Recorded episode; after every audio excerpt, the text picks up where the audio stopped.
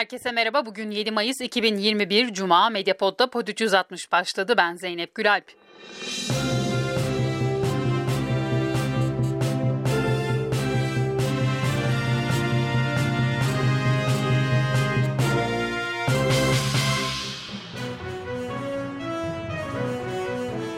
İçişleri Bakanı Süleyman Soylu İstanbul Büyükşehir Belediye Başkanı Ekrem İmamoğlu'nun türbede ellerini arkadan bağlaması ile ilgili konuştu. Bunu bu görüntüleri gördükten sonra ben de saygısızlık olduğunu düşünüyorum. Çok açık söyleyeyim. Ama suç mudur? İşte ona geleceğim. Bana göre öyle. Böyle bir görüntü olamaz yani. İmamoğlu ise Soylu'ya yanıt verdi. Bir bakanın böyle bir ifadede bulunmasından ben hicap duyuyorum. Utanıyorum, üzülüyorum. Ülkemin bakanı çünkü. Ayıp. Bence suç. Böyle bir kavram olur mu ya? Bence Diyarbakır sürecine işte soruşturma izni veririm ama arkadaşlarım bana dedi ki olmaz. Ya siz bakansınız. Ya bir bakan yani işleyen bir süreçte kanuna dair olan kanunun hüküm e, metninin e, tanımladığı bir sürece böyle bir yorum yapma dahi hakkınız yok sizin.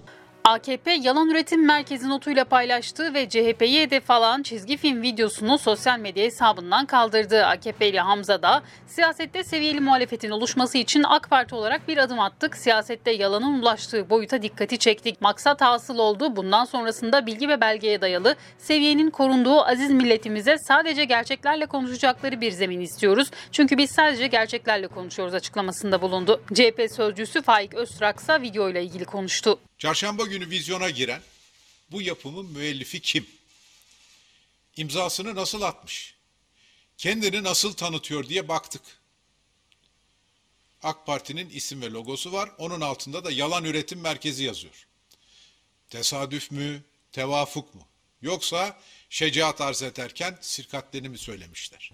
2020 Kasım ayında Instagram hesabından görevden affını isteyen Hazine ve Maliye Eski Bakanı Berat Albayrak'ın nerede olduğu ile ilgili bir görüntü paylaşıldı. Albayrak'ın camide yüzünde maskeyle çekilmiş fotoğrafı sosyal medyada yer aldı. Fotoğrafın 7 Mayıs tarihli olduğu söyleniyor ve karenin Büyükçamlı Camisi'ndeki cuma namazı sırasında çekildiği iddia ediliyor. Diyanet TV'de yayınlanan iftar programı için kullanılan teknenin günlük 35 bin lira olan kirası ile ilgili Diyanet'ten bir açıklama geldi. Diyanet İşleri Başkanlığı programın hayırsever bir vatandaşın sağladığı imkanla hazırlandığını öne sürdü. Türkiye'de turist olmak giderek avantajlı hale geliyor. turistin görebileceği herkesi Mayıs sonuna kadar aşılayacağız ki bu anlamda da tedbirlerimizi alalım. Turistler Türkiye'deki tüm kısıtlamalardan muaf hava sıcaklığının 24, deniz su sıcaklığının ise 17 derece ölçüldüğü turizm kenti Antalya'da kısıtlamadan muaf olan turistler sahile akın etti. Antalyalılar ise turistlerin keyfini balkonlarından izledi. Cumhurbaşkanı Erdoğan ise cuma çıkışı konuştu, turizm için yapılan hizmetleri anlattı. Yeşilköy Havalimanı'nda 1008 odalı hastaneyi yaptık bütün donanımlarıyla beraber. Sancaktepe'de, Samandıra'da aynı şekilde aynı kapasitede hastaneyi yaptık. Niye? Yurt dışından gelenler hemen uçakla oraya insin, oradan da 5 dakikada hastaneye gitsin. İçişleri Bakanlığı'nca muafiyet kapsamındaki işveren ve çalışanların manuel olarak doldurdukları çalışma izni görev belgesi formunun geçerlilik süresi 12 Mayıs 2021 Çarşamba günü saat 24'e kadar uzatıldı. Adana 5. Sulh Ceza Hakimliği sokağa çıkma yasağının ihlal edildiği gerekçesiyle bir vatandaşa kesilen 3150 liralık idari para cezasını iptal etti. Hakimlik yasada sokağa çıkma kısıtlaması şeklinde açıkça düzenlenen bir zorunluluk olmadığını belirtti. Koronavirüs salgınının merkezi düşük ve orta gelirli ülkelere kaydı. Dünya genelinde koronavirüs vakaları 157 milyona yaklaştı.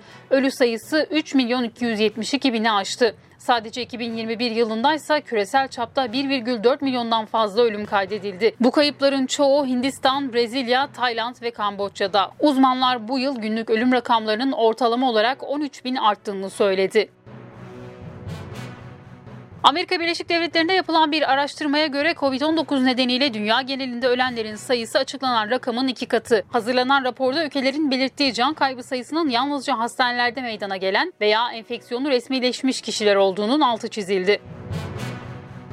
Çapa Tıp Fakültesi'nde maskesini düzgün takması konusunda uyaran sağlık çalışanı Rıfat Baba Yiğit'i darp ederek sol gözünde %95 görme kaybına neden olan tutuklu sanık Furkan Torman tahliye edildi.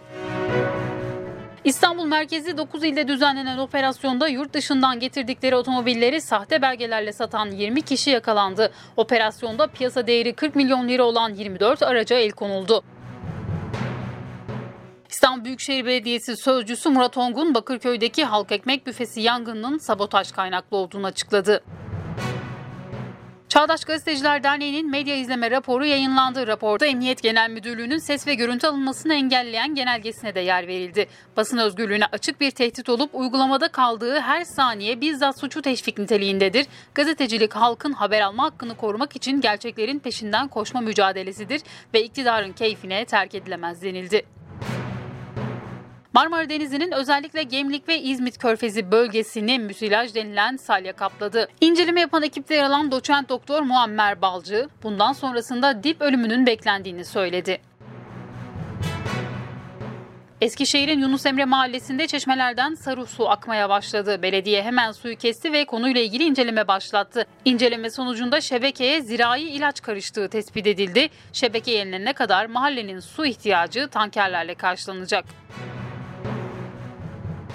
Çin uzaya gönderdiği Long March 5B roketinin kontrolünü kaybetti. 22 tonluk roketin 8 ila 10 Mayıs arasında dünyaya düşmesi bekleniyor. Ancak bilim insanları henüz roketin nereye düşeceğini bulamadı. Amerikan Uzay Kuvvetleri roketi takip ettiklerini açıkladı. Çin Dışişleri Bakanlığı ilgili roketin sahip olduğu teknolojilerin tasarımından anladığımız kadarıyla parçaların büyük kısmı atmosfere girdiğinde yanarak parçalanacak. Havacılık faaliyetleri ve yerde herhangi bir zarara yol açma ihtimali de oldukça düşük açıklamasını yaptı. Parçaların 41,5 derece kuzey ve 41,5 derece güney enlemleri arasında bir yere düşeceği tahmin ediliyor. Ve bu aralıkta Avustralya, Güney Asya ülkeleri, Çin'in orta ve güney bölgeleri, Arap Yarımadası, Afrika kıtası ve Türkiye'nin büyük çoğunluğu da bulunuyor.